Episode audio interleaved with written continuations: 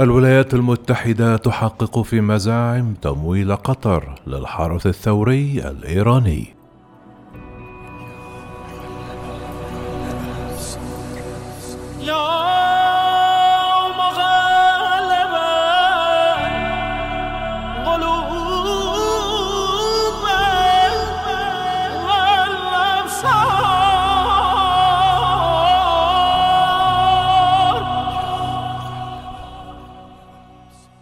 أفادت وسائل إعلام أمريكية بأن وزارة الخارجية الأمريكية فتحت تحقيقا في تقرير للحكومة الإسرائيلية يزعم قيام قطر بتمويل الحرس الثوري الإيراني المصنف على قائمة الإرهاب في الولايات المتحدة الأمريكية ودول أخرى. نقلت صحيفة واشنطن إكزامينر عن متحدث باسم وزارة الخارجية الأمريكية القول: نحن نبحث في هذه المذاهب وأضاف المتحدث الذي لم يتم الكشف عن هويته أن قطر والولايات المتحدة لديهما شراكة استراتيجية وأمنية قوية لمكافحة الإرهاب، مشيرا إلى أن قطر هي واحدة من أقرب الحلفاء العسكريين للولايات المتحدة في المنطقة، وأن التعاون العسكري والأمني بين الولايات المتحدة وقطر يساهم في سلامة واستقرار المنطقة على حد وصفه. وتمت إثارة مسألة تمويل قطر لأنشطة الحرس الثوري أول مرة خلال اجتماع حصل في البيت الأبيض الشهر الماضي بين الرئيس الأمريكي جو بايدن والرئيس الإسرائيلي السابق روفين ريفلين وفقا لصحيفة تايمز أوف إسرائيل. نقلت الصحيفة في حينها عن مسؤول دبلوماسي إسرائيلي تحدث شريطة عدم الكشف عن هويته القول أن روفلين زود البيت الأبيض بمعلومات استخبارية تتعلق بالتمويل الذي قدمته قطر للحرس الثوري الإيراني.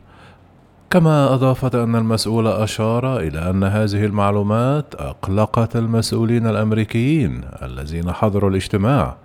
وأكد موقع القسم الإيراني في إذاعة صوت أمريكا أن إسرائيل قدمت بالفعل معلومات استخباراتية لإدارة الرئيس الأمريكي جو بايدن حول تمويل قطر للحرس الثوري الإيراني نقلا عن مسؤول دبلوماسي مطلع على الاجتماع.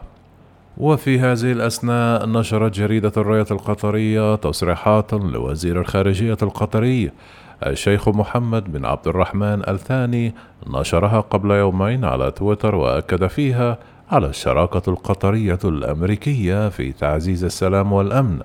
وذلك بعد لقاء جمعه بوزير الخارجية الأمريكي أنتوني بلينكين في واشنطن يوم الخميس.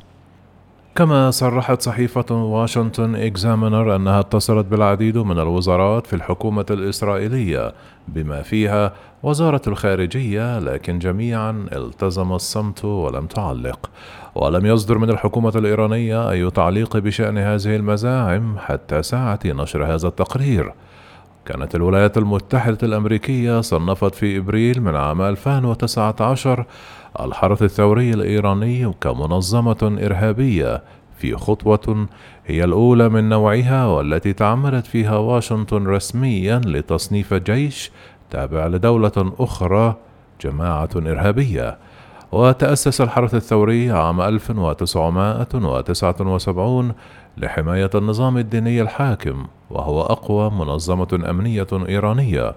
ويسيطر عليها قطاعات كبيرة من اقتصاد الجمهورية الإسلامية والقوات المسلحة ولديه تأثير هائل على نظامها السياسي.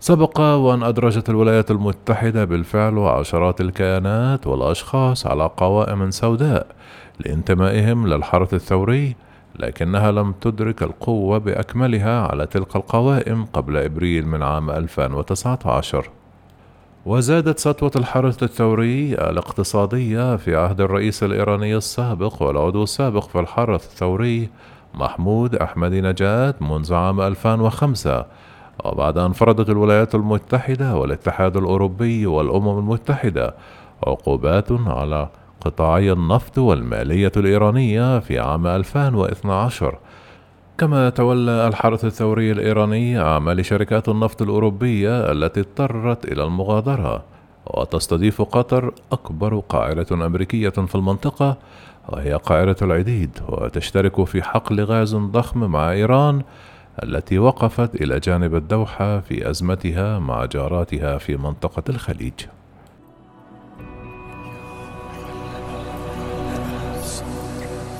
No!